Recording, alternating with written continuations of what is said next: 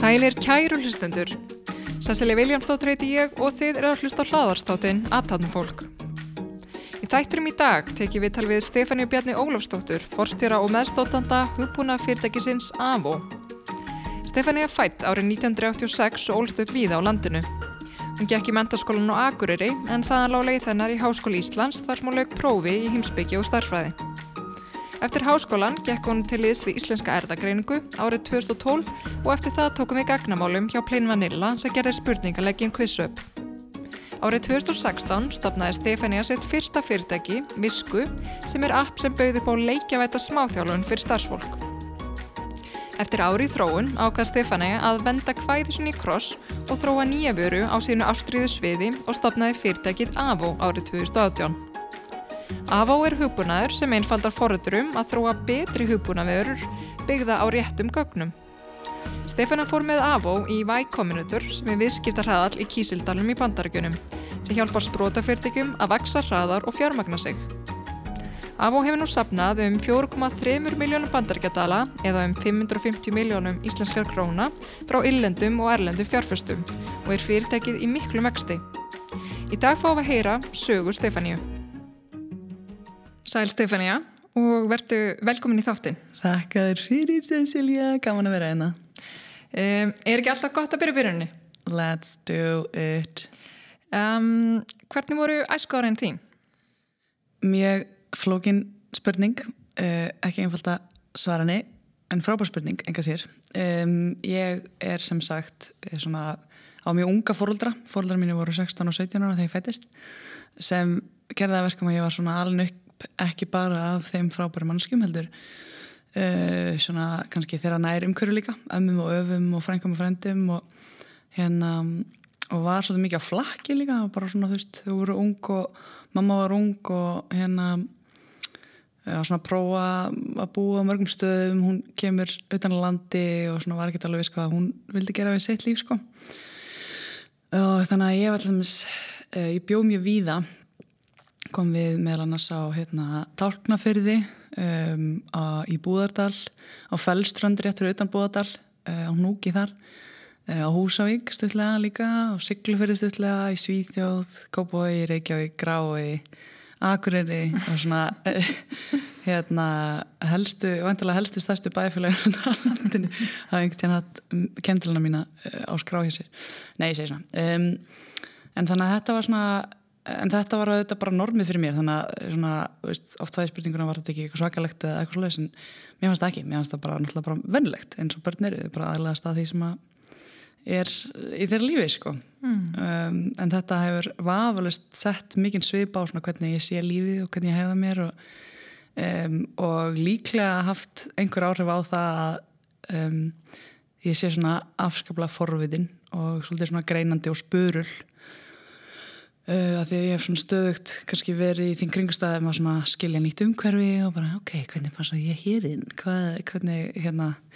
hvert verður mitt hlutverka á þessu heimili eða þessum, í þessum skóla eða þessum vinnahópi eða eitthvað svo leiðis þannig að það var svona kannski svolítið sem að engyndi æsku árin, hvað enda maður æsku árin hans mm. er það mentarskóli eða er það ég veit ekki. Kannski. Hérna en uh, hvernig barn um, varstu? Frábær spurning líka um, Hvernig myndur þú lýsa þér? Ég myndi, ég myndi kannski snerti aðeins á því aðeins sko. uh, ég var rosalega forvitin og svona uh, og hef alltaf verið kannski svolítið svona líka kvadvís og svona spennt mjög svona hérna uh, kannski svona eins og hundrun í Disney, eða Pixar myndinu Up sem er svona, hérna þegar hann sér íkorna þá svona fer hann algjörlega af leið og segir bara Squirrel og það svona held ég svona hafi verið uh, ábygglega einkjent mig og ég var alltaf rosalega forvitin og svona hérna, pappi minn hefur mikið talað um það bara það var full vinna að svara spurningar um, já, ég held að forvitni hefur ábygglega verið svona uh, ef ég ætti að velja eitt, eitt ár til þess að lýsa mér sem barni þá var það ábygglega það sko mm. Varst alltaf með svona skýra sín hvað það vildi gera í framtíðinni? Nei, ég geti náttúrulega ekki sett það sko Ég væntalega eins og öll börna fór í gegnum alls konar. Ég var mjög staðlega ég myndi verða reythöfundur og flugmaður. Svona, það var svona, um tímabili þá langaði mér mjög mikið til að verða þetta kombo. Um, en uh, ég var allavega svona, ég var svona frekar vissum að ég erði ekki neitt tengdu hennu kapitræsku völdum. Ég kem af úr svona fjölskyldum eða það er hérna, bæði, bæði, bæði rauðar og bláar hliðar í fjölskyldinu minni sko, en svona var mikið í kringum fólk sem var svona mikið að tala um svona fólki í landinu og, og þannig dótt sko. Og alveg upp náttúrulega af móður sem aðeins mitt sko uh, hafði ekkert mikið á milli handana sko sjálf. Og þannig að ég var bara alltaf svona mjög þakklátt fyrir það sem að ég hafði sko. og uh, þannig að ég uh, og síðan svona eftir því sem ég mótaðist meira sem fullarinn einstaklingur allavega svona þegar ég fór að mynda mínu pólitísku skoðanir þá svona mótaði þetta það líka svona bara að ég hef alltaf haft mikla ástriði fyrir til dæmis uh, um, hvernig getum við haft áhrif á samfélagi þannig að uppkoma barna sé óháð fóröldra þeirra. Það er sem við verðum svona eitt sem að drýfur mig áfram sem að mér langar til þess að sjá gerast í samfélaginu að við komum fólki til einstaklings óháð því hversu mikið fóröldra þeirra hafa tök á og, og völda og, og þekkingu og bakgrunn á að, að styðja þau sko um, en nei þannig að ég var ekki búin ákveða að ég myndi verða frumkvöld til dæmis eða gagnarsefrangur eða starfsrangur eða neitt slíkt sko En hérna, síðan fórstu í, í hérna, mentaskólan á Akureyri. Hmm. Uh, hvernig voru þau ár? Þau voru bara skemmtileg. Ég var svona, hérna, já þau voru mjög skemmtileg. Þau voru líka bara mikill rússipanni, sko. Ég er svona, táningsárun mín þá tók ég alveg svona, hvað ég segja, ég var kannski ekki, ég var alveg svona, það voru æfintýra á mér sem táningur, sko. Um, í grunnskóla á, á gekk mér mjög vel sko og ég verið þeirri gæfu gætt að geta lært og svona en ég hafði kannski ekki beint svona fókus í að hérna uh,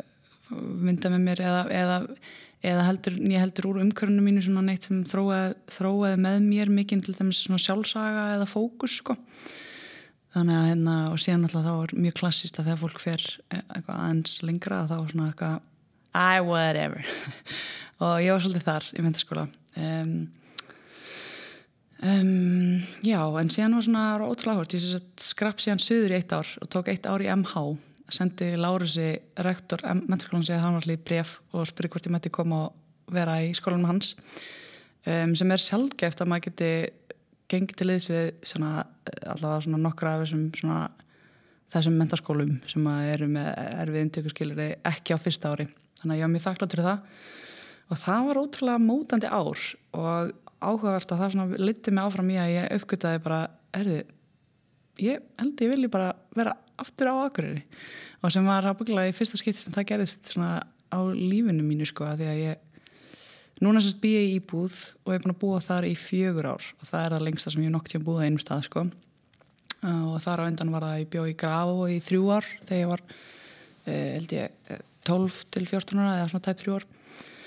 þannig að það var svona mikið flökk og gen í mér sko. Þannig að þetta var ábygglega verið það sem að tryggeraði þetta. Um, en síðan svona mitt saknaði ég fólksins mín á Akureyri og, og fór aftur og kláraði þar og róaðist ótrúlega mikið á þessu fjörða ári. Ótrúlega merkilegt, ég var með frábæran heimsbyggi kennara sem hérna þá fekk ég að kynnast heimsbyggi og svona það var ótrúlega skemmtilegt. Bara, þetta voru svona krefjandi pælingar sem hann var að leggja fyrir og hann gerði mikla kröfur til mín líka sem var svona eiginlega skemmtileg til, tilflutting um, og hérna þannig að það var rosa skemmtilegt. Og þá ákvæði ég svona eitthvað, já, kannski er heimsbyggi eitthvað sem ég geti lagt fyrir mér. Eða fyrir mig, eða þú veist, hvernig maður leggur fyrir þessi heimsbyggi, ég veit ekki alveg hvað maður gerur þessum vendun sko. Um, og síðan svona stönglaðist ég óvart þaðan líka í að læra bara starfræði líka, þannig að það var en mentarskólan já, þau voru bara mjög skemmtileg og bara já. frábært mm -hmm eins og klassist er og kynast frábæri fólki og kynast hjálpum sér og mm -hmm. skemmti sér og læra nýtt og eitthvað svona tótt og eins og komst inn á þá ferðu sérst í Háskóli Íslands og ferðan að nema heimsbyggi og, og, og starfræði hérna hvað kom til að þú valdið það? Já, þetta er frábær spurning. Það var algjörlega mitt þessi, hérna, ég var hann með hann kennara í mennskóla sem að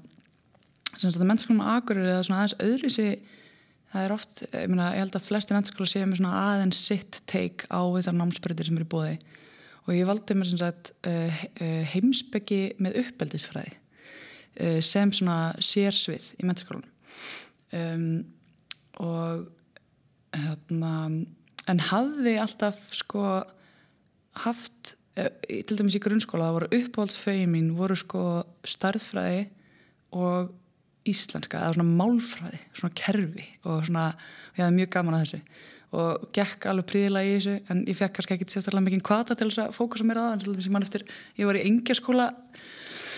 ég held í tófötur eða svoleiðis, eða kannski þrjá, ég man ekki alveg. Og eh, einhvern tíðan var ég bara svona komin frekar langt á undan þegar ég var ábygglega 11 ára. Og var svona búin að vera bara svona í tími með eitthvað að hjálpa einhvern krökkum og eitthvað svona. Og þá saði fóstumóðu mín á þeim tíma sem sagt konunars pappa minns bara hvað segir um að nefna þetta bara við kennarann og spyrja hvort það sé ekki eitthvað spennandi sem þú getur gert sem að og ég er eitthvað, já, það er tók að gera það og talaði við kennarinn eitthvað hvað er það ég er búið með allt hvað getur ég eftir með eitthvað meira? Og þannig að rewardið sem ég þá fjekur það var að ég fekk að fara inn í einhverja gluggalega kompu og setjast við einhverja tölvu og fara að leysa þrautir, starfræði þrautir á vef sem héttir Rasmus held ég að búndur eða eitthvað sem var eitthvað svona starfræði þrauta vefur sem ég skemmti mig konunglega við en hún getur ítt ímdaðir hvert þetta hafi verið svona ég var líka mjög sósjál krakki sko. Þannig að mér varst gaman að vera kring fólk og hef alltaf haft gaman því og svona óbúslega forvöldin um annað fólk. Þannig að þetta var það ekkert mikil kvartning til þess að vera síðan alltaf að stíga fram og vera eitthvað hvað get ég gert meira? Einhvern veginn svona að vera síðan bara eitthvað lókun í ykkur kompu. Þannig að ég svona hafði alltaf gaman að þessu um, um, en að hitt hennar kennara þá á fjórðarunum mínu mennskóla það var uh, mikil kvartning og ég mannlum sem tjena eftir þá tók ég eitthvað prófi á hann um og fekk nýju sem var bara, veist, þá fekk enginn held ég meir en það í þessi prófi og svona. En ég fór síðan á prófsýninguna og var eitthvað svona, eitthvað, já ok, alltaf leið fannst eins og ég hefði þetta að fá tíu sko. En hérna uh, og auðvitað var þetta samt bara gott. En hann var sammála og ég fann það svo ógæslega skýrt. Þannig ég lappaði inn í prófsýninguna og hann var búin að fara einhver próf með einhverju öru fólki og sagði síðan við mig særi Stefán já og bara svona horfiði svona mjög djúft og alvarlega í augun á mér og sagði þú ert að fá tíu á þessu prófi. Ákveður gerur það ekki? Og þetta var svo svona þetta var alveg ótrúlega merkilegt hvað einhvern veginn að finna fyrir þessi svona í rauninni var þetta mikið pepp sko að finna fyrir þessi svona bara okkur er þetta ekki að gera þetta besta? Sko. Það var mjög skemmtilegt og það svona tryggeraði þetta að ég svona já kannski þegar ég læri heimsbyggi í, í háskólanum. Síðan fór ég einhverða söður á háskóladaginn sem er svona koncept sem að háskólanir halda fyrir hérna mentarskólanemndu til þess að kynast fögum. Og pappi eitthvað svona, ég gisti á pappa þegar ég var fyrir sunnan og hann eitthvað vildi ekki skella þeirra verkfræði básun líka, búin að vera með áróður fyrir mig til þess að fara í verkfræði sem síðan bara hann kláraði verkfræði þegar ég var 8, 9 eða 10 ára eða eitthvað og ég eitthvað svona, já ok, ég kíkja verkfræði básun fyrir pappa og kíkti við og þá hann spurði ég einhverja krakka eitthvað svona, hvað, hver er munun á yðnaverkfræði og ramagsverkfræði og vélverkfræði og hva, hva, hvernig, hvernig læra maður verkfræði, hvað ég gera, hvað þýð það? Og þau einhvern veginn bara stóðu gati og stóðu bara einhvern veginn svona fyrir frá mig að spyrja hvort annað bara, já hvað, betur veist þú hvað munun er? Já, sem var ógeðsla áhörst af því að ég held alveg að þau viti, ég, ég veit ekki hvað gerð þannig ég svona lappaði byrtu bara, já ok þetta, ég, þetta meikir ekki þess og rakst á hérna, mann sem heitir Andri Egilson sem var mitt í mennskólanum við Hamrallíð þetta eina ár sem ég var þar uh, og er starfræðingur uh, og rakst á hann við starfræðibásin og ég var eitthvað svona býtu starfræði er það bara hægt að læra það bara í háskólan og það var bara eitthvað sem ég hef aldrei hugsað um aður sko. þannig að ég á bara það að þakka háskóladeginum sko. bara sem er ógstilega skemmtilegt og góð saga svona háskólinn er að gera gott starf með því að gera það sko. og endaði að skrá mig í bæði fögin og taka tvöfald nám sem er mjög skemmtilegt Vel gert e, og háskóla árin þau voru bara góð og, og, og hérna en svona, hérna fyrsta, svona, fyrsta starfið þitt eftir, eftir útskrift hvað er það fórst að gera með, hérna, með, með þessar tvær gráður? Já, akkurat, Þarna, eins og ég nefndaðan, það var í svona var, þegar maður er í starfræði það er mikil eftirspunn eftir það er mikil eftirspunn eftir starfræðingum í böngum bara bankanir eru eiginlega með mjög djúsi vísindaferðir fyrir starfræðinga og, og langt fyrir alla sko. En þau eru svona yfirleita bankadirnar og, og, alls konar svona fjár, fjármóla tengt. Og það var eitthvað svona algjör, það var mjög langt frá því sem ég hefði áhuga á þessum tímum til, til dæmis. Og var svona bara eitthvað hérna, og, en ég allavega eftir ég klára þetta þá byrjaði ég að fara sem sagt í hálft ára og ferðast um ástarli það var ótrúlega skemmtilegt. Með uh, þá var hann til glæni um kærasta sem ég kynntist því þá um, sem er núna maðurinn minn í dag. Og við ferðum þeim ástarli aðna í eina tíma og það var bara eðislega gefand og skemmtilegt og vorum í fallið á stök og líkum okkur og köfum og borðum lindubönnur og gulrættur í öll mála þegar við áttum engan penning um, og svona meðan svona þegar fór að líðundir lókina þessi ferðalagi þá fór ég svona að kíkja á bara hvað ég ætti að gera. Og ég var svona með í huga alls konar svona hérna uh, alls konar eventýri bara svona, mér langaði mjög mikið að stopna svona eitthvað svona, hljómsveitar hljómsveitar hostel uh, þar sem að hljómsveitir hvaðan af heiminum geti komið og einhvern veginn svona annarkvæmst að eftir að tekið upp eða hérna, tekið þátt í einhvern veginn íslensku tónlistasenni uh, það voru alls konar svona sem ég var svona pæli endaði að henda línu á þessi svona meira hvað ég segja, þessi svona meira established nýskapna fyrirtæki sem að voru einhvern tíma nýskapna fyrirtæki en eru þetta í dag bara stór fyrirtæki eins og Marel og, hérna, og Íslenska aðegreining og Marorka og Össur og allt þetta. Og svona hvað hva, hva er þar? Hvað hva, er þið er þið að gera eitthvað spennandi? Um, og enda á því að uh, þykja starf frá Íslenska aðegreiningu og var þar þá uh, í tæp tvö ár og lærði ótrúlega mikið þar lærði þar að forða lærði, og gekk til liðs ég held að ég var fyrsta starfsmæðin sem hefur riðið alveg í sjö ár gekk til liðs við tölfræðdeldina sem var fjóra mannskjör þá og eru núna held í dag 30-40 mannskjör eða eitthvað og var þar með alveg frábæra mentora bara svona uh, sem að já, þetta var bara rosalega skemmtileg tími sko. bara gaman að kynast kára þetta uh, og sem var ég að vinna með frábæra fólki eins og Unni og hérna og Gí og bara þetta er ótrúlega mikla neglur hérna Daniel og Patrik og þetta er bara svona rosalega flott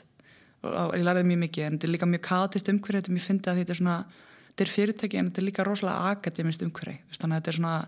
þetta er fólk að skrifa greinar og þetta er svona fólk að sem vill ná langt sem einstaklingar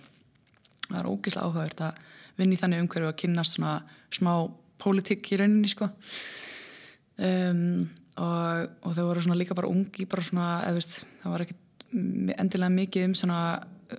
utanum haldið, ég var ekki, var ekki að taka það var ekki að taka one on one við mig eða neitt hannig sko og ég var í rauninni með fimm yfirmenn til dæmis líka og einhvern tíðan var ég með hérna fekk svona tvö risastór verkefni á bortíminn sem voru svona sex mánuða all in verkefni á sama tíma frá mismunandi yfirmenn.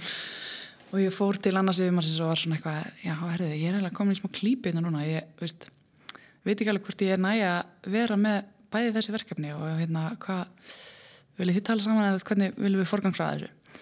Og þá var það bara svona sett í hendina á mér. Bara, já þetta er bara frábært tæki fyrir, fyrir því Stefni til þess að læra að segja nei. Og ég var bara ok, I mean. Bara, og þetta var ógslag fundin tími. Um, en já þannig að ég endaði þar. Eftir að þú hafa verið hérna unni hjá Íslensk erðagrinningu þá fórstu yfir í Plinnvanila sem gerði akkur spurninguleikin vinsalega hversu upp uh, Akkur ákvæmst að taka stökkið yfir í tæknumbransan? Já, þetta er alveg frábært spurning. Sko, í middeltíðinu sem sagt þá var einmitt Íslensk erðagrinning búin að svipa mér í um, um, nám út. Og svona frekar nám í það heit, uh, heitir Bioinformatics sem er svona blanda af reiknirita hönnun og tölfræði og forutun og sem er akkurat allt sem ég var að gera hjá Íslenska erðagrinningu um, og og þar var ég bara svona bara mjög spennt fyrir því sem ég voru að læra og var bara að kynast bæði gegnum díkód og e, gegnum þetta var í Árúsarháskóla í gegnum Árúsarháskóla þá var ég búin að kynast líka eða í gegnum báða þess að vettvangi var ég búin að kynast alveg frábærum prófessorum bara í frábærum háskólum bara hérna í Oxford og Berkeley og bara þetta var ógislega flott og skemmtilegt fólk sem ég fekk að vinna með hana. Og þannig að það var svona ég var svona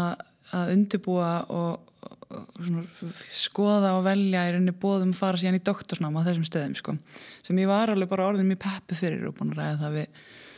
við Jóa og svona. Um, þá var þið kærasta um, nú var hann þið mann og hérna svona, þú veist, ég verði líklega ekkert á Íslandi á næstunni og svona bara og hann kom með mér út og alls konar. Og það var bara trajektorið eða svona, það var hérna brautin sem ég var á. Og það er gaman að þessu og bara svona mjög áhugasum um bara sko genafræði í rauninni, þetta var ótrúlega skemmtileg verkefni sem ég var að vinna þar sem ég var að búa til skoða alls konar fylgningar á milli bara DNA mannfólks og svona líkanlega ein, einleika og sjúkdóma og alls konar skemmtileg verkefni. Og var þar sem sagt úti þá þegar að hérna QuizUp allt í henni fekk miljón notendur á fimm dögum sem alltaf bara hraðast vaksandi app í appstórinu nokkuð tíman um, sem var setna síðan það met var setna sleið af Flappy Bird ef við minnum eftir því líka sem við fundum lengur og þau vantaði hérna CFO-in þar uh, var vantaði svona analista með sér lið sem að geti svarað alls konar spurningum um hérna, hvernig notanda upplöfunin væri og hvernig hún væri að hafa áhrif á hluti eins og retention og alls konar svona conversion í gegnum einhverja mikilvæg funnel í vörunni og, og svona ferðir notandans, vekkferð notandans. Og hvernig get, geti þetta svona, hérna, haft áhrif á bara businessin og hvernig hvað, hvað tekið möguleika fyrirtæki etti og svona. Og í svona, svona analista hlutverk og þau svona heyrði í mér og baði um að sækja um það. Og í mér endaði að hérna, fórstjórin, nei hérna fjármálatjórin, endaði að ráða endaði að ráða mig í það, þannig að ég var þá fyrsti analistinn til þess að ganga til leys við það fyrirtæki. Og hvað var það okkur, hvað færði mig út í það? Þá hugsaði ég sko bara, í fyrsta lagi þekkt ég mikið af fólki á teiminu sko. Og hérna pleifanila teiminu og þetta er ótrúlega mikið að klára fólki og skemmtilegu. Og var búin að vera svona oft á hliðalínni að umgangast þau og bara alltaf gaman í rauninni líka sko. Um, og ég fann alveg fyrir líka bara ég meina bara svona full disclosure sko þegar ég var ennþá, þegar ég var síðast árinu minni starfræði að það var Jói uh, þá vorum við ekki byrjað saman. Og þá var hann byrjaður einhvern veginn í nýskapanargeranum og hann stopnaði leikjafyrirtæki eitt fyrsta íslenska leikjafyrirtæki á mobile og þróaði eitt fyrsta mobile leikin og ég man að þetta var svona eitt af því sem að bara svona kveiktalum sé hann áhuga hjá mér á honum. Bara var hann spennandi. Þú veist, hérna, hann er algjörlega að taka málinn sína hendur og þetta er ógslag spennandi vegferð sem hann er á og hérna, og ég dáðist ógslag mikið að hann fyrir það sem hann var að gera. Og fannst það nett svalur uh, að vera þetta í eitthvað svona gig, ógísa skemmtlegt og hérna þannig að ég var ekkert endilega að hugsa eitthvað svona að ég var að fara úti í eitthvað svolítið en það var greinlega komið í svona einhverju undirmeðutundina að mér erst gaman að búa til hluti og, og veist, það er spennandi að taka þátt í svona vegferð að breyta einhverjum, einhverju í heiminum sko. eh, sama hvernig maður hverju maður er að breyta í heiminum og þannig að þegar þetta svona poppaði upp á borð hjá mér að þau báðum um að, að kíkja á þetta eh, að þá hugsaði ég bara veist, valið er rauninni kannski veist, að prófa að stakka þetta eða halda áfram á þessari hérna, doktorskráðu vegferð sem mér fannst líka ógstilega spennandi fyllt af research og bara mjög analytically thinking og þannig. En ég hugsaði rauninni bara sko, að þessi doktorskráðu getur bara beðið skilur. og hvenar er maður partur af einhverju svona rocket shipi sko, sem er bara leiðinu upp. Og það var svona tilfinningi sem ég fekk bara þetta er geggið tækifæri og ég vil ekki missa það og ég sá bara líka strax bara þótt að veist, í mér fjármálastjórn verið að ráða analista sér í hliða þá var ég bara strax komið með bara svona wow, tækifærin í einhvern veginn svona greiningar tækifærin sem eru framöndan og bara tækifærin til þess að nota gögn með einhverjum geggjum hætti uh, til þess að bæta veg fyrir notandans og þú veist, við hefum búið til alls konar recommendation kerfi og bara það var svona ótrúlega margt spennandi sem ég sá í þessu og bara svona hvað ég myndi læra á þessu og að fá að taka þátt í að byggja upp teimi og svona og þannig að mér fannst þetta bara að vera rosalega spennandi tækifæri mm. og, og stakka á þetta út af því mm. Og hérna, hvernig voru árin með QuizUp? Uh, þau voru rosalega skemmtileg og krefjandi og ég er mitt þarna að ég var að tala um á þessu einu hálfa ári rúma sem ég var í Íslenska erðagerðingu það ég lært miklu, miklu, miklu meira heldur en nokkuð tíman þessi þrjú, fjóru ár sem ég var að klára þessi töfuldu gráði hana og, og ég fann það líka bara strax á bara fyrstu sex mánuði mínum í QuizUp þá var ég búin að læra meira heldur en ég hafði nokk tíðan lært í Decode sko. þannig að þetta var alveg svona rosalega mikið nýtt að læra mm. eins og hvað? Já, uh, eins og bara öll þessi hugtökum hvernig maður skilur notendu upplöfun og um, hvernig maður mælir hluti og uh, hvaða gagna tól maður á að nota og hvernig maður byggir uh, sambönd innan nýskapana fyrirtækis og í svona stórum teimum sem eru að reyna að vinna cross-functionally sem analisti að þá reportaði til CFO-sins uh, en þurfti að vera með rosalega sterk sambönd við alla forritarana við CEO-in, við hérna, editorial teimið uh, sem var að til alltaf spurningar þar að leiknum og svona, við marketingfólki og bara svona uh, business development og bara svona maður þarf að byggja upp þessi sambönd og uh, og að svona ferðast um þau sko, þú veist, að vinna með fólki og það var rosalega lærtansvíkt, ég hef lært mjög mikið strax af því eins og ég var nefna aðan í þú veist, díkót sko þannig að það var bara skemmtilegur undirbúningu fyrir það að vera bara einhvern veginn í djúbulegin og þurfa bara svona að sjá um þetta sko þar, bara í díkót þótt ég bæri ekki, ekki neina ábyrðan einu mannafórða og, og, og væri bara með svona einhver verkefni sem ég þurfti að sinna og svona þá þurfti maður samt að vera proaktífur og navigeta einhver sambend og svona. Og það var bara fýtt grunni fyrir þetta. Og á þessum tíma, þetta var 2013 það var rosalega lítið til um þetta á internetinu. Bara, uh, það lappaði steini sem var fórstjóri kausa fram í skrifborna mínu og svona sæði bara svona yfir í mig Herri Stefáni og svo berð þú ábyrðar retention, ok? Sem var hérna á þeim tímubóndi, já já, þú veist, ég var auðvitað búin að fletta upp alls konar hlutum og bara starfs í starfsviðtælunum mína er ég búin að læra eða svona í hérna, umsögnarferðlina er ég búin að læra ósláð mikið um bara hvað er retention Já, en alltaf sem er svona er hvernig á, á að hérna, fá notendur actually til að nota uh, appið oftar en eins eða er henni, já. Nákvæmlega. Og það er svona, svona ekki til þess að skýra, það eru svona fræg tvö mjög lýsandi dæmi um svona gott og slæmt retention er hjá hérna til dæmis Blue Apron sem er svona eins og eldum rétt fyrir bandarækin uh, þau eru með retention kurvu sem er að representar þú, þú fæðist basically sem notandi og gerir eitthvað, þú kannski bara skrárið fyrsta skiptið eða eitthvað og síðan uh, mæli maður, getur maður mælt alls konar típur af retention bara hérna hvernig kemur við daginn eftir eða hvernig kemur við vikun eftir eða hvernig kemur við mánuðnum eftir eða hvernig kemur við á mánuði 1, 2, 3, 4, 5, 6, 7, 8, 9, 10 og alla leiðin í framtíðina sko. Og Blue Apron svona return kurvan, retentionið sem það heitir þá hún hættir aldrei að droppa þú veist þannig að hún stablirast í rauninni aldrei. Og þú vilt alltaf búa til hérna svona kór, þú vilt að retention kurvan þín stabilirist. Þannig að á endanum að þá bara sértu það sé eitthvað drop off fyrst en eftir eitthvað tíma þá bara ef fólk er búið að vera að nota vöruna kannski fimm mánuði þá er það bara orðinir þá er það bara orðin notendur for life eða eitthvað. En Blue Apron það bara, það droppar hættir aldrei að droppa. Á meðan eins og Netflix til dæmis uh, retention kurvan þegar held ég droppar nýri í ekkert svo látt sko, þetta er alveg ótrúlega hugbúnaður eins og við veitum all mm. uh, droppar alveg niður í einhverja, svona, einhverja nokkra 20% á kannski mánuði 2, 3, 4, 5 eitthvað svo leiðis og fyrir síðan að hækka aftur. Þannig að fólk kemur aftur eftir að kannski cancela áskriftunni sinni og kemur að aftur. Og hún byrja bara síðan að rýsa aftur uh, eftir veist, og tveggja ára retention kurun hjá þeim á mánuði 24 eitthvað komin aftur upp í 70% sko og þannig að það er svona það er svona the ultimate retention kurva sem að fyrirtæki vilja sjá sem að hún er áttu kallin svona the smiling hérna, curve. Þar sem að þú veist, hún droppar hann síðan reysun aftur. Uh, já, þannig að ég var að læra alls konar svona hluti. Já, akkurat, en hérna og það var ekkert til þess að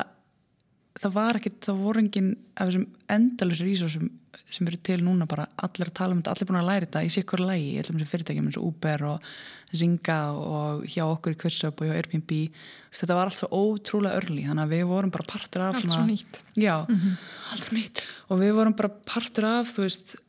svona mik mikil frumkvæla mennsku í hérna gagna speysinu bara á heimsvísu. Við vorum að gera bara flotta luti sem að maður áttaðis ekkit á þá að því að ég var bara auðvitað eins og flesti sem er að næra, næra, læra nýja hluti þá var ég bara að springa á impostorsyndrom sko. Og var bara, ég veit ekki hvað ég er að gera og hvað er ég að gera með lífið og var að vinna rosalega hérna, mikið en skemmti mér alltaf mjög vel að vara að læra ósláð mikið líka sko en það er alveg langir dagar 12-16 tíma dagar oft sko. Og þannig að en það er svona svolítið innkendi þessa vefferð sko bara rosalega mikill og hraður lærdómur hraðar breytingar og svona að vera alltaf tilbúin að breyta til og læra nýtt og prófa nýtt uh, og, og að byggja upp sambönd og byggja kúltúr og svona þróa hvernig fyrirtæki getur nýtt sér gagn og uppsingar til þess að móta bestu strategíuna hvort sem það er veist, hvernig á revenjumótilega að vera eða hvaða vöru við að þróa næst eða hvaða markaði að fara á eða hvað hvaða spurningar við að skrifa næst eða hvaða toppik er vinsalæst eða hvaða toppik er að mæla með fyrir næsta eða þú ert búin að spila Harry Potter spurningarnar hvað ættir þá að spila næst og, og þess aftur sko. þannig að þetta var bara óbúslega gefandi að lærta sér tími sko. En síðan þá færur þig eitthvað yfir á viðskiptiliðina og meðan það vart í quiz-up þá fariði til New York og stofnins skrifstóð þar. Hvernig var það ævindiri? Það var dörrullu skemmtilegt sko það var rosa skemmtilegt, ég var bara mjög þakklátt fyrir það. Þetta var svona, þetta var útrúlega skemmtilegt svona svott teimi sem að hérna bara stjórnin eða svona frangatstjórnin setti saman sem var bara ég uh, úr þá svona greiningarperspektífinu og bara svona með alveg ágæti skilning á hvað við erum að gera og hérna og hvernig við getum nota gögn áfram og svona. Og svo var það náttúrulega Vala Haldurstóttir sem var búin að stýra hérna, hann var svona fram á þeim tímbúndi, hvað heitir þetta editor-in-chief, svona yfir reittstjóri eða eitthvað svo leiðis um, og svo Jói sem var hérna CTO og, uh, og hérna Frikki sem var svona frábær, ótrúlega frábær fær fórhundari og svo Ari sem var, hérna, var búin að vera í svona business development og svona að skoða þú veist hvaða tækifæri eru fyrir tekjuöflun, fyrir quizzup sem er ekki bara fyrir svona in-app. Og þá var hann búin að skoða tækifæri eins og quizzup uh, at work, nefndu quizzup for work ég man ekki hvort það hétt sem var svona enterprises og svona reysastór brönd sem að vildu nota þá quizzup brandið fyrir svona að, til þess að leikja væða starfsmannþjálun og svo voru við líka búin að skoða einmitt svona að gera sjónvarstátt með NBC og hann var svona involverað í allt, allt þetta og þannig að við fimm fórum hana og fluttum út til New York og hérna það var ótrúlega skemmtileg tími og, og þá reyðum við inn hérna bara frábæra frábæra strák uh, til þess að stýra greiningar sviðinu bara á Íslandi og ég bara skipti algjörlega yfir í bara þessa þróun sko, nýja hugbúnarþróun og, og bara stegi öll hlutark þar sko. En rauninni þá var ég minnst kannski í business development samt þá á þeim tímpunkti og það var svona Vala og Ari sem tóku það og meðan ég var bara alltaf inn að byrja að forða einhver andröð upp og hérna, eitthvað svona dótt sko og í fyrsta skipti. En var bara líka ótrúlega skemmtilegt en þá voru við sett saman sem svona SWAT teimi í kringum bara tekjumyndin. Og hérna og héttum fyrst revenue, bara team revenue og síðan fannst okkar svo boring nafn að við ákvæðum að endur skýra það. Eh, FKA revenue sem alltaf mjög hundið líka. Formerly, team formerly known as revenue vísin í FK Twix og, um, og þetta var bara geggjaði tími og hérna við bara bara blóðum mjölkuðum að nýta okkur það að fá að búa í New York á þessum tíma og bara svona unnum ótrúlega hörðum höndum sko. Uh, og síðan bara, bara work hard, play hard sko. Uh, og bara svona fórum á allar improv-síningar sem við gáttum farað og balletta og leiksíningar og prófum alla veitingastæðana og og hérna prófum að búa í óslamörgum með smöndi hverfum og bara ótrúlega skemmtilegt mm -hmm. En hérna talaðu um kurfur og, og upp og niður og hérna þá náttúrulega eins og í rauninu kom fram á hann hérna kausu upp náttúrulega gekk mjög vel hérna framan á og, og, og svo var þetta svona erfiðri svona tímar uh, undir lokin svona hvernig leiðir í, í hérna því ferli? Þetta er alveg framspurning sko hérna Ég hef oft talað um það að, að svona, eftir að hafa orðið stopnandi sjálf uh, að þá skilum maður uh, hvað ég segja, sko áður en að ég var stopnandi þá held ég að ég skildi hvaða væri að vera stopnandi að því að ég var að vinna mjög náðu með steina oft og ég var mjög, mjög oft involverið bara í hérna, stjórnarskíslunar og alls konar þess að það sko. Uh, en þetta er svo svakalegur tilfinningar rússipanni sem fylgir í að vera stofnandi og bera ábyrða á þessu og maður er einhvern veginn að berskjálta sjálfa sér rosalega mikið og prófa að taka eitthvað bett, eitthvað veðmál og svona aðtökk hvort það gangi eftir og veist, alltaf, þú ert alltaf að reyna hérna sannfæra einhvern um að taka þátt í einhverju, þú veist, þú ert annarkvært að reyna að sannfæra einhverja manneski um að ganga til þessu teimið eða þú ert að að sannfæra fjárfesti um að fjárfesta í hugmyndinni eða, eða businessnum eða þú ert að að sannfæra hérna, viðskiptiðinni um að e, prófa vöruna og, og hérna, segja þeirra hvort hún sé frábæri eða ekki og hvað vantar upp á og, og hérna, gefa feedback og hjálpa okkur að byggja betri vöru fyrir þig og allt þetta. Þannig að þetta er rosalega mikið berskjöldin alltaf og fyrir, það er oft sagt hérna fyrir hvert einasta já að þá eru alltaf um það byrju 20 nei. Og maður myndir alveg svona svakalega uh, svona skráp og skjöld og þól fyrir því sko, það er ótrúlegt. Um, en það var svo merkilegt að einhvern veginn mér fannst ég vera alveg rosalega invested í QuizUp og hérna og varð það sko. Og þú veist, mér fannst þetta að vera bara svona eitthvað sem ég hef bara mikla ástriði fyrir og ég var rosalega spennt fyrir verkefnir sem ég var að gera og ég var að læra svo mikið og mér varst ótrúlega spennandi hvernig teimið var að byggjast upp og hérna og hvað við vorum að þróa og allt þetta. Og langaði að vera með puttan í öllu og allt þetta. En ég held að veist, fyrir mér að þótt þetta hafi verið ótrúlega áhuga að vera vekkfærið og svona sigrar og töp til skiptis og svona þá jafnast annað ekki neitt á við að vera til með steini sem kringustæðin sem var bara ábyggilega sko, já, eða veist og ég að tengja við það í dag hvernig mm. honum hefur liðið á þessum tímpunkti mm -hmm. sko.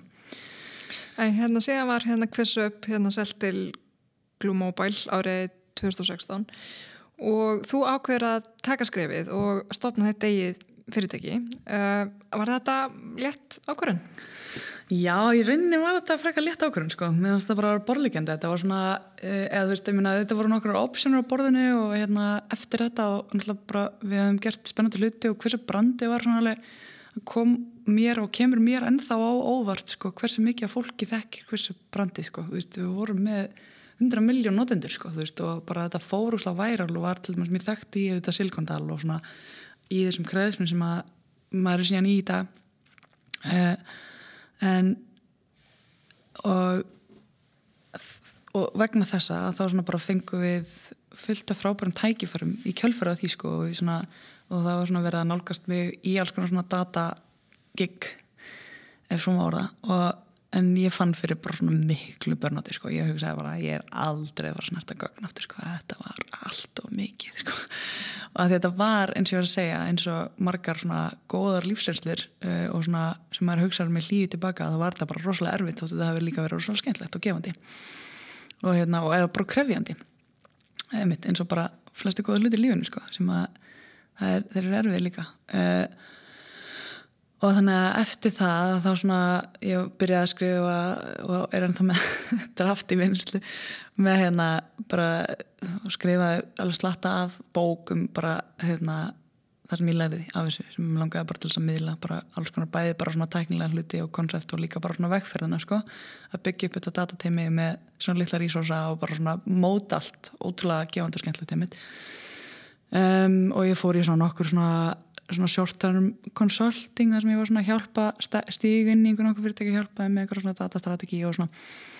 En ég gæti ekki ímynda mér að stíga inn í eitthvað svona að fara að vinna hjá einhverju fyrirtæki bara, veist, bara gæti ekki ímynda mér sko, ég var bara að hugsa bara nei, ég ætla bara að kannski taka eitthvað svona part time fara að skrifa eitthvað og veist og,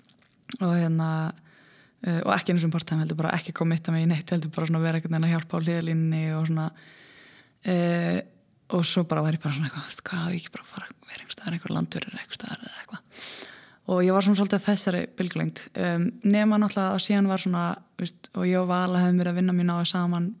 uh, bæðið að því að veist, greiningarsviði vann tölvört með reittstjórnarsviðinu og síðan alltaf fórum við að vorum saman í New York. Og síðan eftir New York þegar við svona settum Quiz at Work á hérna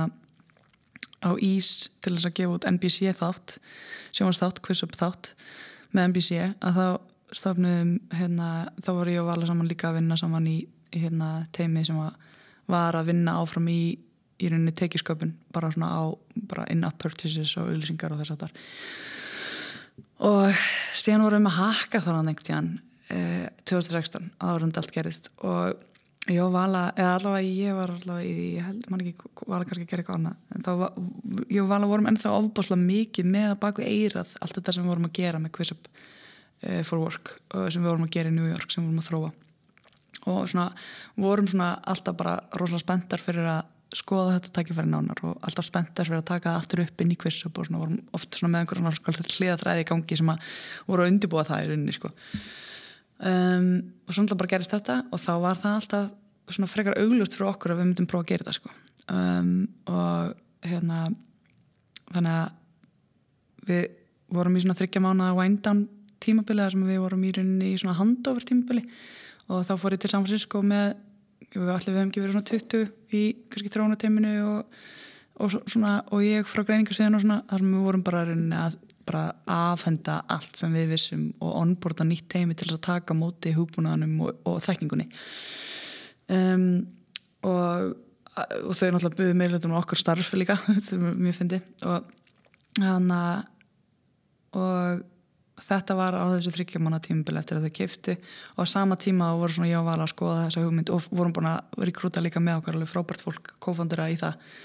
Um, og þannig að og fannst þetta frekar bara straight forward að gera þetta áfram sko, við vorum samt öll líka en líka að skoða alls konar möguleika, ég og Vala fórum með þetta og hérna söpniðum í sarpin alls konar öðrum verkefni sem voru svona eitthvað pæli og síðan skelltu við í tæknithrónur umsokn og fengum það. En það sem er skemmtilegt við það er að daginn áður en að það var tilkynnt að það tóku fund þar sem við ákvæðum bara óháð þessum niðurstöðum hvað ættum við fáum þetta. Erum við það ekki bara að kera á þetta? Og vorum bara allir komið þetta. Þannig að við vorum svona komin all in í þetta og bara herri náttúrulega að gera þetta full time og það var bara í lókin á september 2016 og, þarna, og svo bara daginn eftir uh, bara heyrði við, ég heyrði Hjalla hjá Investa sem var stofnandi datamarket og núna í dag Grid og var svona aðeins að fá ráð og bara veist hvernig þetta við að fjármögnu þetta? og svona. Og hann svona já ég getur nú alveg áhrif að setja smá peningin í þetta og svona og við í Investa. Og svo bara þrejum tímum eftir það fengum við tilkynninguna um teknitrónusjóð og hérna og þá bara var þetta er einni bara svona skrifaði skín að gera það áram sko. Mm. og við vorum bara mjög peppi fyrir því og gerðum það síðan. Mm -hmm þeir sefnið inn fjármagni inn í fyrirtækið og vinnið að þessar fyrst útgafu um, og er það ekki rétt skili hjá mér að þið voru nú þegar komið með nokkra viðskiptavinni og vinnið að þessu í tæft ár og, og ákveð síðan að venda hvaðið ykkar í kross uh, var þetta ekki erfið ákvörðin? Jú, ég minna sko þetta var erfið og ekki erfið ákvörðin þannig að þetta var svona veist, það var alveg svona margt í þessi sem var rákslega skemmtilegt og áhugavert í svona hvernig þetta gerðist hérna og og svona til dæmis varandi bara svona hvenar síðan af og fættist það er svo áhugavert, það er bæði hvenar það ekkert sem konsept byrjaði svona að koma í undir meðutundina en síðan er líka mælstónin þegar svona, við viljum ekki lengur að vinna það visku og það er svona tveir mismöndi mælstónar og dæmis ég gleymaldri að það var bara, bara það var ekki nema á fjörða mánuði í þróun visku held ég, það var einhvern veginn í april eða mæ 2017 og þá tókst okkur að gefa út vöru uppfæslu á hérna visku sem byggði á vittlisum gagnum röngum gagnum sem hefðu klúrast einhvern veginn í útfærsli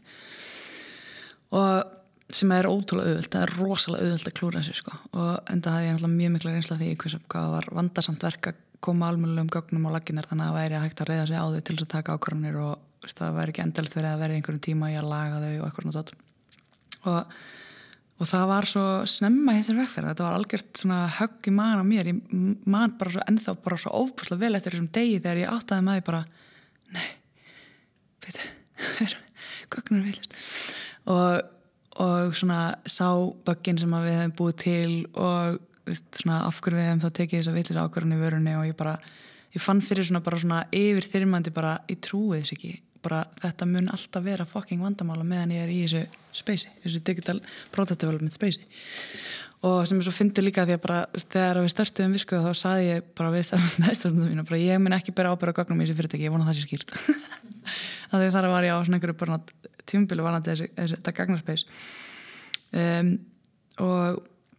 og ég fór að hugsa bara til alls hugbúnaðarinn sem við hefum smíðað innan hús í Kvissabey verið þetta þryggjára tímabil sem að alltaf verið rosalega mikil höfverkur að koma svolítið á laginnar og uh, gagna þeimið vann mér náðu með 3TO-unum og hérna, engineers hjá á bæði Android og iOS hérna, plattformunum í að um, smíða hugbúna sem gerði gagnaöflun miklu öðuldari og gagnasöfnuna áreðanlegri og svona ferlana í kringum það að útfæra gagg fyrir hverja einustu vöru uppfæslu sem var að, gera, að gerast á tvekja veikna fresti sko. þetta er rosa hraður tími sem er verið að þróa nýjan hugbúnað endalist og það er alltaf að mæla hvernig svo vörbreyting hefur áhrif á notendur. Og þannig að þetta er, svona, veist, þetta er ekki eitthvað sem gerist á hálsásfresti eða eins og árið eitthvað, þetta gerist á tvekja fresti það þarf að breyta gagnunum og þannig að það er eins og þessi ferla séu í lægi sko og, og þessi tóli kringum að gera það smúð og svona og ég bara þyrmdi yfir mig bara að við hefum ekki tökka á að smíða þetta aftur bara, við hefum ekki rísið svona, við erum fimm, við erum fjögur eða fimm hérna á þessum tímbúti og við þurfum bara að smíða visku og við getum ekki verið að smíða eitthvað tól fyrir þetta og já það er með bara að því bara ok, þannig að við erum bara, við erum alltaf bara að fara að velja milli hversu rætt við erum að fara að ídra vörunni versus hvort við séum að vera, vera með almenni gögn að baka vöruna til þess að geta síðan tekið áframhaldandi vöru ákvörnir og hérna þetta var alveg svona eitthvað og bara svona, ég fekk bara svona alls konar bara pítist í hérna. Og þetta var bara mjög snemma á visku vegfærinni en ekkert í rauninni þarna voru við samt ekkert byrja að hugsa um eitthvað annað sko, bara, en ég bara gleyma alltaf þessum degi veist. Og síðan voru við bara áfram að hérna, bara þróa og selja visku og það bara var alltaf spennandi og gekk vel og, og við vorum að loka nýjum viskitænum og þarna stegi minn fyrstur skref í sölu og að því að tala um líka er ekki erfitt að síðan að skilur ákveða að hætta? Og mér fannst sko svona sár, eitt af sárast það sem mér fannst var svona bara þá tók ég bara ég, ég ringdi bara og fór og bókaði fundi með fólkinu sem hafi veðjað á okkur með því að ákveða að kaupa þennan hugbúnað fyrir sín fyrirtæki og segja bara, herðu, þetta er geðvikt bara þetta mun leysa mín vandumál og ég ætla að taka þátt í þessari þróun með ykkur og ég ætla að vera partner og ég ætla að borga ykkur pening og fara svona síðan að hitta þau og segja bara við ætlum ekki lengur að þróa þetta og því að við veist, svona marga mánuði til þess að veist, finna ykkur nýja hlust mm. sem var sársakaföld og leiðilegt sko. En uh, af hverju tókuðu þessa ákvörun? Já, þetta var svona það er svona lítið, lítið þekkt saga sem að er að við komumst inn í Y Combinator uh, hérna við komumst inn með þeim fyrirvara að við myndum pivota yfir í eitthvað annað af því að þau hefðu trú á teiminu en ekki á, á, vörun, á, hug, á hugmyndinni sko. Já, og hérna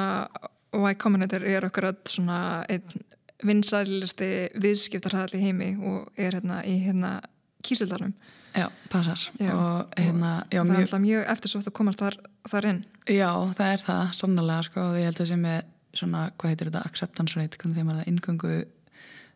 hlutvall, intöku hlutvall sem er lægra heldur en bara veist, þessir Ivy League háskólar í bandarækjanum og svona sko. En þannig að þetta er uh, og þetta er og þau eru líka sko að þau það er vinsalasti og það er svona ótrúlega, veist, ég veit ekki hvað það er svona á, eiginlega hlutlegt mat, nei huglegt mat en veist, hlutlegt að þá bara þau eru eitt farsalasti uh, seed stage fjárfæstir í heiminum bara þegar maður horfur á hlutfall uh, fjárfestingar sem að vækamrið eru gert uh, sem hefur orðið að um svona unicorn fyrirtækjum eða verða metin á biljón dollara eða meira. Þannig að þau eru ekki bara þú veist hérna, þau eru bara veist, frábær, þetta er útrúlega góð upplöfun og þau kunnaða það sem eru að gera. Þannig að það er útrúlega magna að fara gegn það. Og hérna og við þannig sóttum hann um voru 2018 17 og komst í viðtal og enduðum að því að þau sögðu við okkur bara við erum gerðnan fá okkur svo lengi sem að þið smíð bara, e, bara eitthvað annað heldur með þetta. Og við auðvitað gátum ekki tala um þetta því þetta var, veist, þetta var ótrúlega gaman og flattering fyrir okkur en þetta var kannski ekkit góðu stimpill fyrir það sem við vorum að vinna. Þannig að við svona, þetta er ekkit sem við hefum mikið talaði með til að en má svo sem talaði með núna. Eh, en við vorum alltaf ekki tilbúin þá að segja skilu við uh, visku og bara höfðum trú á því sem við vorum að gera. Um, síðan voru ég og Vala bara að verðum rosalega miklum tíma á bæði í New York og í Kísildal og vorum svona bara að selja og, svona, og hægt rólega bara svona rannu fyrir alls, okkur alls konar skilningur á markanum sem við hefðum þá bara verið að mynda með okkur og vorum alltaf bara mjög miklu sérsangar í starfsmannaþjálun á þessum tíma sko. Uh, eins og maður verður þegar maður er einhverju í ár. Og uh, ég held að við hefum fundið bæði sko að veist, ég meina það voru ennþá alveg huge potentials í þessu og veist, þetta er spennandi space og svona um, en við fundum bæði fyrir því að það voru alls konar svona go to market hindranir uh, í bland við svona kannski hvort að þetta væri það sem að með þessum hindrunum það sem við værum auglustlega tilbúin að verja næstu tíu árum á lífi okkar í sko. og ég held að það hefur verið svona blandan sem gerði það verkum að ég bara, ég veist já, ég bara, ég og Vala vorum í San Francisco þannig í einn og alveg mánuð kannski í oktober 2017, einhvers leys og oktober, november og, og þetta var svona í sikvar leirinni hjá okkur báðum að renna hægt og rólega upp fyrir okkur og svona e, og þetta var svona mjög mikið svona hérna, come to Jesus moment sko, sem að átti sérst hægt og rólega stað hjá okkur báðum og, og síðan svona þangur til að við byrjum svona að tala um þetta upp áttu ykkur aðra bara erum við á réttri leið hérna. Og um, já, og það var svona uppið að, að við fórum þá að tala um það síðan bara við teimið og fjárfæstan okkar að við værum svona að fara að, að skoða, þú veist viljum við kannski gera eitthvað annað og við buðum fjárfæstanum okkar allum að taka peningin sem tilbaka og kansalegum rannýstyrkin, þú veist og hérna og hefum getað skilaðurinn öllum peningnum og, uh, til fjárfæstana okkar algjörlega tilbaka við vorum búin að nota mjög lítið að ég búin að lifa mjög frúkali. Fengum hann að skrifstóri sem kosti eitthvað 30 skall á mánuði eitthvað hjá honum hérna Tetsner, Jón von Tetsner út á Eðþorki og um, vorum ekki borga okkur vorum sannlega ekki borga okkur á laun. Og þannig að hérna en þau bara voru rosalega stöðningsrík fjárfæstunir okkar og segðu bara Nei, algjörlega, við erum bara með ykkur lið og bara þeir eru frábæri og við vorum ekki og fjárfæstari hugmynd, fjárfæstari hugmynd við vorum að fjárfæsta í veist, þessu teimi og hvað þeir eru powerful um, Já Já, og hérna þá ferða á stað með, með AVO, hérna fyrirtæki sem þú ert með í dag uh, og hérna hvernig uh, byrjaði þessi nýja vegferð? Hvernig byrjaði hann? Fórum vel á stað? Já, þú meinar, nákvæmlega. Uh, já, þetta var bara náttúrulega, veist, þetta var rosalega mikil naflaskoðun og veist, það er ekkit auðvelt, það er ekkit auðvelt að fara í gegnum svona pivot, sko, það var rosalega mikil óvisa um, og til að byrja með það var ég ekkit sannfærðum að við ættum að fara þessa leið, þetta var bara svona við skoðum rosalega mikið af möguleikum og og svo var eitthvað svo magnað, það var ekki tópa mænt fyrir mig í rauninni persónulega einmitt eins og ég er búin að tala um að það er að fara aftur inn í gagna speysið sko, þú veist, mm. að því að bara það var það var erfitt sko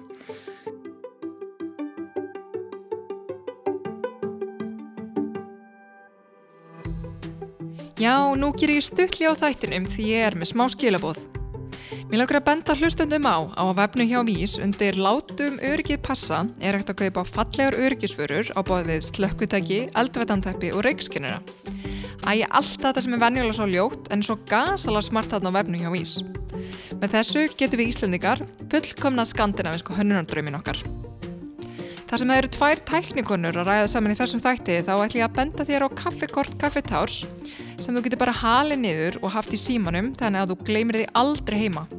Já, þú ert vantilega búin að giska kaffetárs stuður heldur betur við bakið á okkur hér hjá aðtapnafólki. Snúum okkur aftur að viðtalinu. Uh, en þið ákveða einbjöð ykkur að nýju vörunni á og svona hvaðan kom hugmyndin að henni? Uh, það eins og ég nefndi hann og þá fættist þessi við vorum alltaf búin að smíða ábúrslega mikið á hugbúna í kringum þetta í QuizUp og þannig að reynslan var rosalega mikið til staðar og svona okkar skoðanur að hvernig það væri gott að gera þetta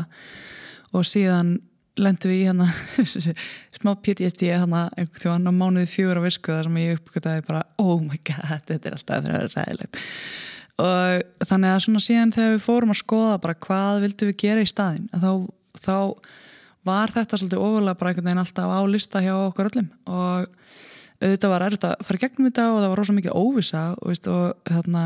og ég var ekkert bara, við stökkum ekki á þetta einhvern veginn að þess að hugsa og ég tók alveg ábygglega einn eða tvo mánuð bara þar sem ég var að tala við fólk í speysinu og, um, og það var svona yfir jólin þannig að ég var alltaf að ringja samtöl og bara heyra bara horrorsögur hjá alls konar fólki og allir voru bara depressed yfir að vera í data science og ég var eitthvað, ég ætla að laga þetta ég ætla að laga þetta. Og svo byrjuðum við bara að smíða og svo bara byrjuðum við að fá viðskiptavinni og byrjuðum að fá fólk til þess að testa það sem við vorum að gera og, og byrjuðum bara að tala um það og hérna rest is history sko. Og hérna já, og svo sagt, eftir þetta þegar þið eru, eru komin með af og þá farið þarna akkurat í hérna í væg komunitur viðskiptarhraðalinn Uh, hvernig var svo upplifun? Það var bara geggja sko. Það var um, mjög lartansvíkt um, gaman að fara síðan loksins, skilur, það var skemmtilegt uh, og þannig að við hefum reyndar reynd, gert eina allu áður en komst inn sko, gerðum eina allu voru 2018 strax og síðan aftur haustu 2018 og komst síðan þá inn. Uh, það var bara ógislega skemmtilegt. Og fluttum inn, fluttum saman í eitthvað hús hérna fjögur saman í um, the Bay Area sem er svona stórsæðið í kringum San Francisco, þar með Palo Alto er Mountain View og svona alls konar Facebooka með höfustæðar og Google með höfustæðar og bara allt þetta öll kreðisann og vorum bara í einhverjum bæ hérna um, rétt hjá Y Combinator og byggum bara að þetta var svona að lappin í húsi var svona bara kannski eins og lappin í hérna setti í Silkondal sko. Eða svona í Silicon Valley þáttunum, það var mjög fyndi. Um, og þar vorum við bara vinnandi allan sólurengin og sáum kannski eins og lítið og uh, sötrum bjór hér og þar og kynntumst ótrúlega kláru fólki, bæði fólki sem að þú veist tekur þátt líka með manni í vækomurundur þetta er bara svo drífandi einstaklingar og þau eru allir með þau eru allar mannskipnar á sínu missjóni sko, að gera ykkur snild allir búin að leysa einhver ótrúlega vandamál og bara svona gera eitthvað snilt í lífinu, það er ótrúlega gaman. Og svo náttúrulega partnerannir í vækamröður, bara það sem að þau fólki sem er svona að e, kannski, hvað, hvað ég segja, leiðbyrnendur manns og svona eru að halda mann á tánum og, e, og við bara svona vorum bara í gegnum allt þetta ferli að bara explóra og smíða og hérna og hakka. Þetta er svona,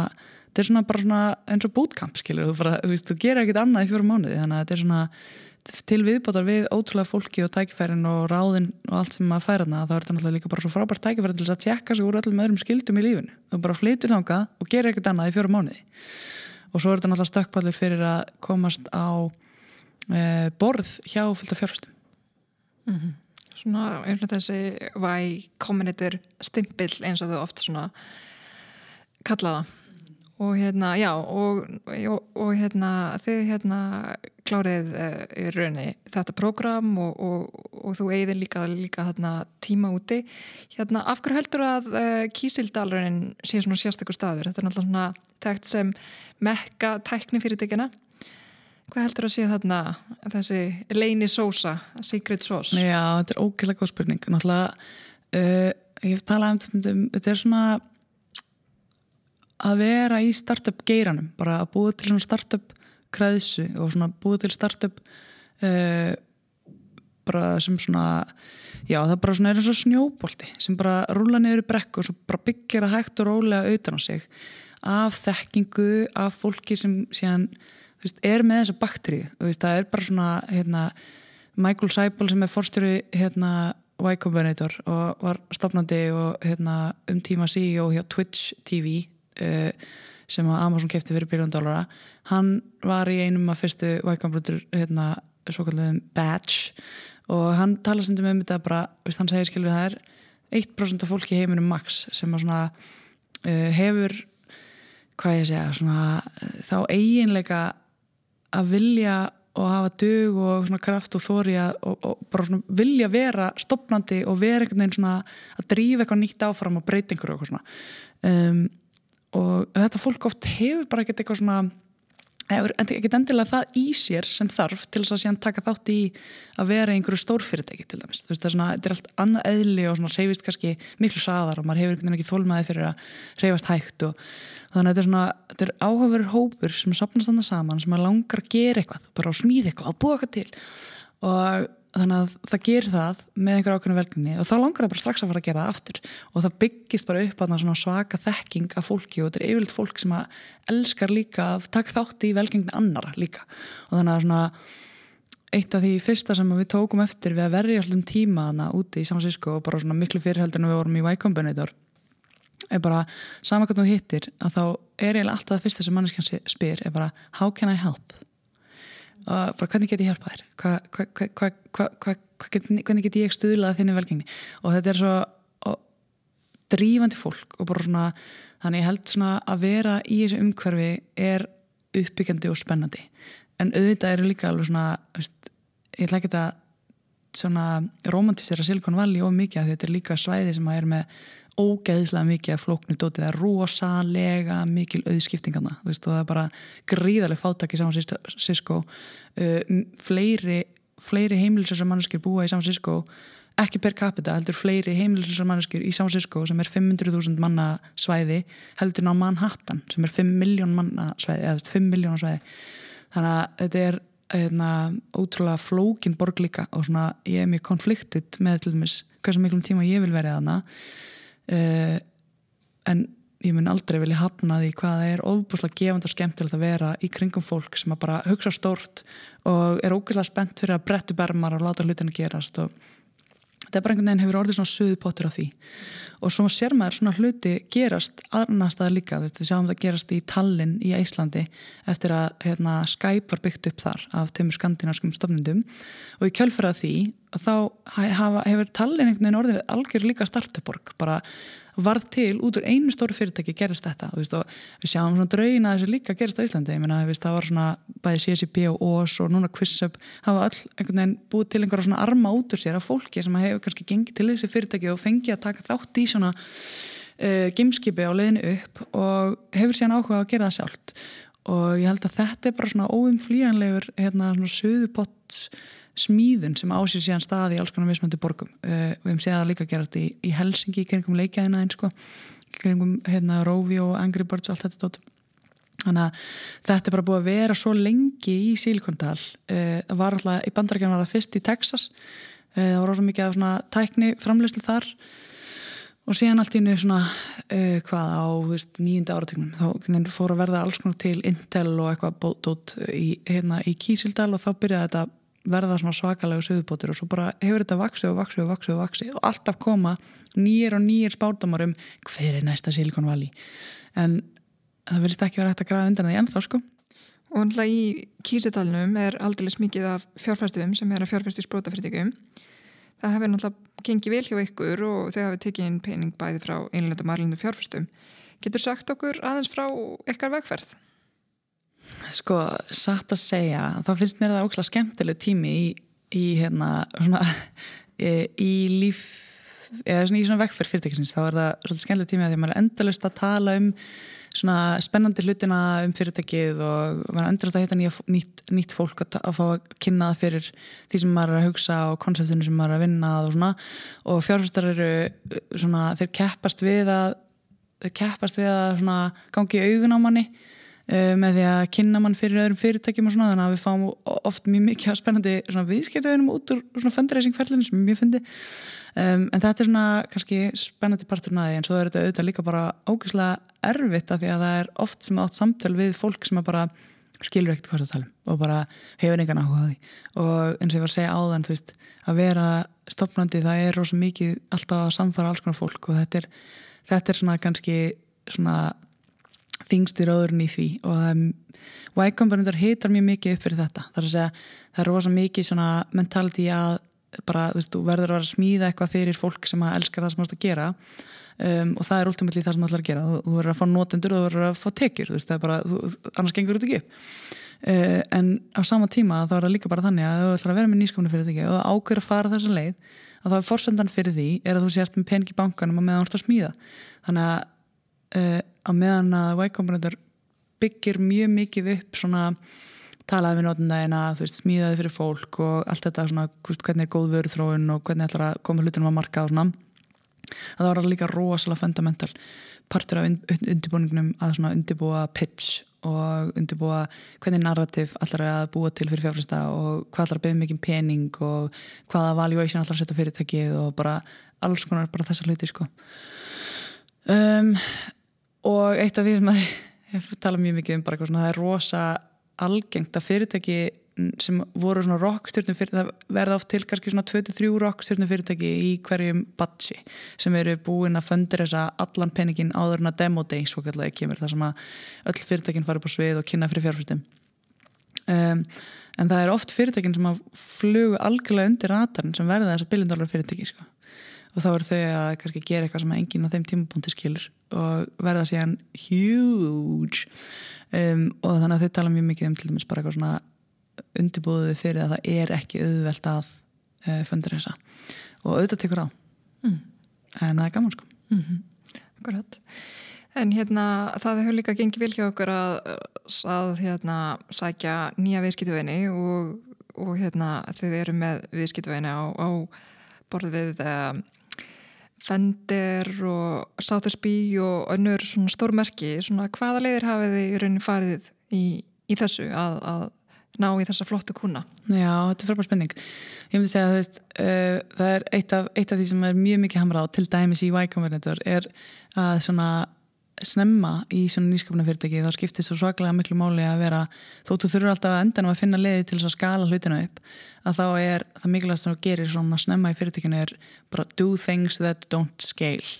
Og það er mjög mikið hamrað allir hérna, Airbnb sögunni þar sem er eitthvað svona hérna, þú veist svona þegar Airbnb var að stíga sín fyrstu skref þá bara fóru þau heim til sérkværa manneski sem að vildi setja íbúðinu sem leigu tóku mjög professional myndir og bara unnu, bara fóru og hittu alla vinskitafinni sem að notuðu Airbnb og bara uh, fengu allt veru feedback sem að þau gáttu hérna, fengið og fóru síðan bara beint heim og löguðu það og töluðu við á daginn eftir og bara herru við erum bara að laga þetta, breytir það einhverju fyrir þig? Alveg bara svona slutir sem algjörlega skalar ekki með stærð fyrirtækisins um, en skiptir ógslag miklu máli snemma bara að finna alla leiðir til þess að koma hugmyndinni og vörunni í höndinir á einhverju manneski sem hefur áhuga á notana. Og það er bara það, þetta er bara svona maður bara talar og talar og talar við fólk og hérna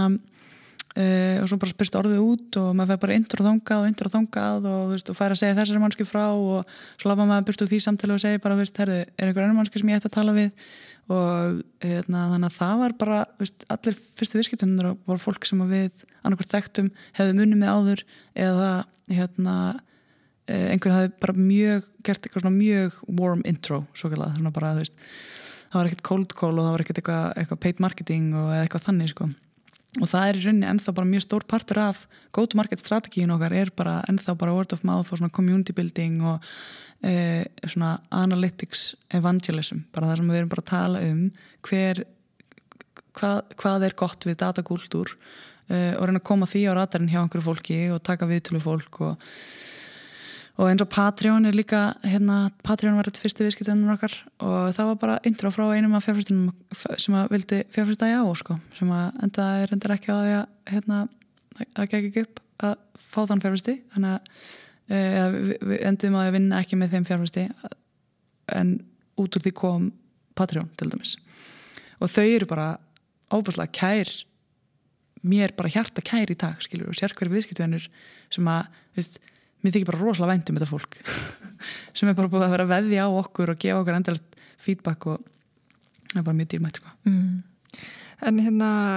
hvað er svona stærsta áskorun sem þið hjá á hafið þurft að eiga við fram að þessu og, og svona hvaða skref hafið verið að taka til að leysa það? Úf, maður, hvað er að ég byrja? Nei, ég segi svona. Um, stærsta áskorun sem við hefum glimt við. Þetta er ekki leila spurningar um, ég myndi segja bara ultimately vantala er stærsta áskorun í vegferð allar nýskapna fyrirtækja er að finna product market fit sko. og það er bara hérna, að endalist nóða saman uh, vöru og markaðstrategi þannig til að þú finnir hópa fólki sem að elskar það sem þú ert búin að smíða. Og svo þetta bara byggja á það og finna meira þannig fólk. Og, um, og þetta er náttúrulega bara endalaus svona lúpa af tilraunum sem sömur feila eðlið málsins samkvæmt flestar, vantala að þetta er bara svona research, þetta er bara development sko. Uh, og, og svo einhverjum sigurum sko. Og þannig að maður bara munna að fagna litlu sigurunum og halda peppinu í gangi sko. Og bara vera í skíjónum en svona örlítið með fettunar á jörðinni. Og þú veist það er bara sérkver dagur er rúsípunni eins og það ekki sjálf. Mm -hmm. En hérna hvað finnst þið svona skemmtilegast og, og, og, og kannski síðan það sem er ekki alveg jægt skemmtilegt? Ég rauni bara við allt þetta ferli til dæmis að vera stopnandi og hérna frangtastjóri ört vaksandi tekninsbrótafyrirtikis Já, hvað finnst mér persónulega skemmtilegast? Já. Mm, Sko ég held alveg að ég myndi vantilega að segja það eru svona tveir hlutir sem að eru kannski mest vitamingefandi sem er bara að fá að vinna með ótrúlegu, eða er einni einn hlutir sem er bara toppurinn, sem er að fá að vinna með ótrúlegu fólki. Og það flokkast annars vegar inn í, í, í, í teimi sem að internally bara til af og teimi það, er bara ótrúld fólk og ég bara svona finn fyrir miklum heiðri að, hérna, að fá að vera bara peð í hérna, þessari vegferð með þessu stjórn teimi sko, og þau já, það er bara rosalega gefandi og magna um, óbúslega klárt fólk sem ég fæði að vinna með okkur minnst að degi. Og hins vegar á viðskiptöðunir okkar sem er bara hérna, meðlutin af viðskiptöðunum okkar er framúrskarandi vörustjórar og forritarar og gagnasérfræðingar hjá helstu tæknifyrirtækjum í heimi. Og þú getur rétt ímyndaðir hvernig það er að vera með þannig viðskiptöðinni sem að bara hafa ástriði fyrir tólunum sem þau eru að nota og gera kröfur til tólunum sem þau eru að nota. Og þú veist, einmitt ógeðslega stór hópur af fólkinu sem við tölum að hverjum degi við viðskiptöðinum eru vörustjórar í sínu starfi þannig að feedbacki sem þau gefa okkur er alltaf gegja um, og það er bara rosalega gefandi að fá að hérna, vinna með kláru og frábæru fólki að bæta líf klárs og frábærs fólks Akkurat. En hérna þegar þú ert ekki að hugsa um af og eða vinna að af og Sjaldan. Já, sem er mjög sjaldan að hvað eru þá að gera? Ég veit nú að, að þeir eru margt til listalagt, Stefania. Hvað hérna Ég veit það nú ekki. um, já, sko, þetta er frábært spenning, sko um, bara svona hvað ger ég til þess að róa hugan og tjekka mig út og svona þannig minnur. mm. Um, ég við farið gegnum ímis svona tímubil eins og komum aðeins inn á hérna í, á, á æskvarum og það er svona bara, mér finnst gaman að gera tilraunir og ég er ákveðlega hvað svo mér finnst rosalega skemmtilegt að prófa nýja hluti um, og þannig að ég það sem fættist til þess að New York árunum var sko improv. Og ég gerði tilraun til þess að vera að spinna sjálf og hérna kom í daginn að ég, ég, er, ég er betri áhörandi heldur en spunnalegari en það er samt óslega skemmtilegt. Um þannig ég tók þannig tjómbil um, síðan mm, finnst mér mjög gaman að dunda með við, með, við, við plöntina mínar. Um, og ég reyni að spila reglulega á gítar. Svona missjónum mitt á þessu ári 2021 er því að ég kann ekki að gítar sko, ég bara hef aldrei lært að gítar. Ég hef lært bara svona bara þegar ég var krakki skilur eitthvað svona smá akkur að þörflutu og síðan tók ég smá svona söngspinn þegar ég var uh, í Quizzup og dætti ég söngskóla Reykjavíkur og byrjaði að læra söng, klassíkan söng sem var mjög skemmtilega líka. Og um, tónlist svona, finnst mér að vera mjög gefandi hérna, uh, hluti af lífinu tónlist og að skrifa og svona þess að það er skemmtilegt. Og þannig að uh, ég seti mig mark með þessi ári að læra alla skalana og geta að spila alla skalana. Og svona missjónum mitt langar að vera svona svona hérna spilfær, svona jam spilfær. Ef ég heyri að einhverju er að byrja að syngja eitthvað lag að þá gæti ég bara, já ég heyri að þetta lag er í bíamúl þannig að þá passa þessi hljóma við og ég get bara að peka það upp og spila með og það er svona vissunum mitt. Um, þannig að ég er svolítið að spila gítar og hérna og svo reynir ég að tjekka mig út með því að fara bara svona út í náttúrun sko, við það ekki ekki gefandi. Bara ég var að koma úr tökja vegna að tjekka át frí bara mjög nýlega þar sem að ég var bara ekki með síman og ég eitti slakk og superhuman af símanum mínum og e, fóð með tjaldi á bakinu og hérna gisti eitthvað upp á heiði og, og var bara út í bústað sem er með óbóðsla liðlitt internetsamband og bara að spila gítar og syngja og e, spila hérna exit, exit hérna escape room svona borð, borðspill e, og lesa. Mjög mikið að lesa Anne from Green Gables núna sem er sko átta bækur í önnur hlýð þannig að það er nógu að lesa. Ógeðslega gefand og skemmtilegt. Um, þannig að það er bara svona ímislegt sko. Akkurat. Ég nýbyrjaði líka að venni með að huglega það er allir rosa vel um það Þú ert að venni með það. Hefur ekki gengið vel í mér. Akkurat, sko, það tekið það. En svona aðlokum uh, hvað sér þið fyrir þér uh, í framtíðinni, bara persónulega og, og, og, og líka bara með af og Það verða bara auðvöldar og auðvöldar spurningar sem hendir það. Um, Sko persónulega í framtíðinni hjá mér að þá bara hugsa ég bara um svona að vera með tök á því að verja tíma með fólkinu mínu og hérna gera eitthvað á daginn sem að ég fæ vítamin úr og gera eitthvað á kvöldin sem ég fæ vítamin úr. Og ég hugsa ekkit flóknara um það heldur en það Vist, bara hvað fæ ég vítamin úr og hvernig get ég hvernig get ég breytt heiminum hérna til hins betra sko. Um, einhver tíman í framtíðinu þá get ég vel ímynda mér að fara svona aftur að huga þessari, þessum pælingum sem að mér langar mjög mikið sem er bara svona hvernig getum við breytt samfélagin okkar þannig að uppkoma barna sé óhað fórlunum þeirra? Hvernig get ég legt mitt að merkum í það? Og hvað var hann af, hvað var hann af og þannig að bara verður af og reysa stort fyrirtæki. Og hérna verður um, er í dag núna leiðandi svona analytics governance plattformin fyrir vörustjórnun eða svona fyrir, fyrir vörugagn og, og það er bara stóru hlutir á, á sjóndildar hringnum þar sko og við munum bara halda frá að vaksa í því Frábært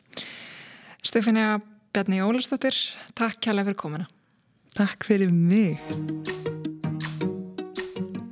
Ef þú vilt heyra fleiri sugur af aðtapnafólki þá hveti þið til að íta á subscribe-knappin á hlavarspöytunni þinni og fylgja okkur á samfélagsmiðlum. Ekki missa af næsta þætti.